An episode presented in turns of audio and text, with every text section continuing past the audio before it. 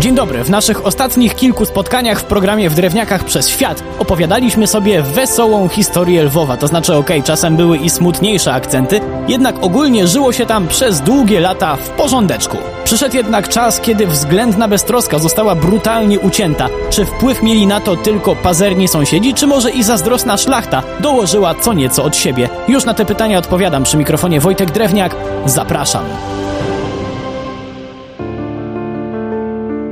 Przełom XVII i XVIII wieku nie zwiastował jeszcze niczego niedobrego dla mieszkańców Lwowa. Powstawało sporo nowych budynków państwowych, prywatnych i kościelnych. Ulice, takie jak popularna do dziś Łyczakowska czy Batorego, tętniły życiem. Jednak w tym czasie Polska już nieuchronnie pędziła ku upadkowi, a sporą w tym zasługę miała głupia i zazdrosna o wpływy szlachta. Coraz mniej znaczyło dane słowo, to też nikt wśród szlachetnie urodzonych za bardzo nie miał wyrzutów sumienia, kiedy postanowiono odebrać miastu Lwów nadany w podzięce za bohaterską obronę przed Szwedami tytuł szlachecki. Może nie każdy ostatnio słuchał, to wyjaśnię, że to nie oznaczało tylko upokorzenie miasta, ale też odebranie mieszkańcom praw, które w dużej części sprawiały, że lwowianie się bogacili. Od tej pory kupcy i rzemieślnicy nie mogli już kupować ziemi.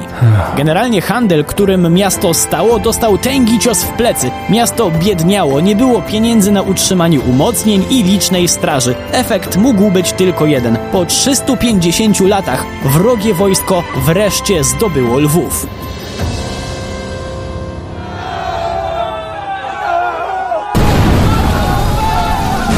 Stało się to po krótkim szwedzkim oblężeniu w 1704 roku. Ja tu generalnie daleki jestem od wypominania czyimś potomkom czegokolwiek, jednak może nie każdy słyszał taką ciekawostkę, że żaden kraj tak Polski z bogactw w dziejach nie wyczyścił jak Szwedzi i nie, nie zapomniałem o Niemcach. Nie inaczej było w owym 1704, kiedy to wrogie wojska ogołociły sklepy i magazyny broni, zabierając między innymi grubo ponad 150 armat, ale to nie koniec, bo na miasto nałożono kontrybucję, czyli w pewnym uproszczeniu taki mandat w wysokości 200 tysięcy dukatów, co już kompletnie dobiło Lwów finansowo.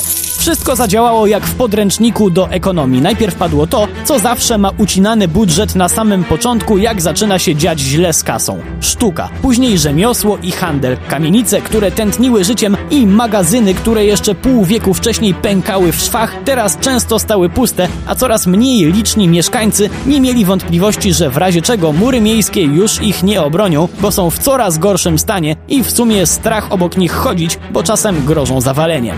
Co prawda Szwedzi opuścili w końcu miasto, ale błyskawicznie pojawił się tam nowy okupant, tym razem Rosjanie, a król Stanisław August Poniatowski nie angażował się specjalnie w to, żeby ten stan rzeczy odmienić. I ktoś, kto zna historię w najlepszym wypadku mizernie, za moment mi wypomni, że hola hola, przecież w końcu w 1772 roku rosyjskie wojsko pokornie opuściło polski Lwów. No pewnie, ale tylko dlatego, że w wyniku rozbioru Polski te tereny przypadły Austrii.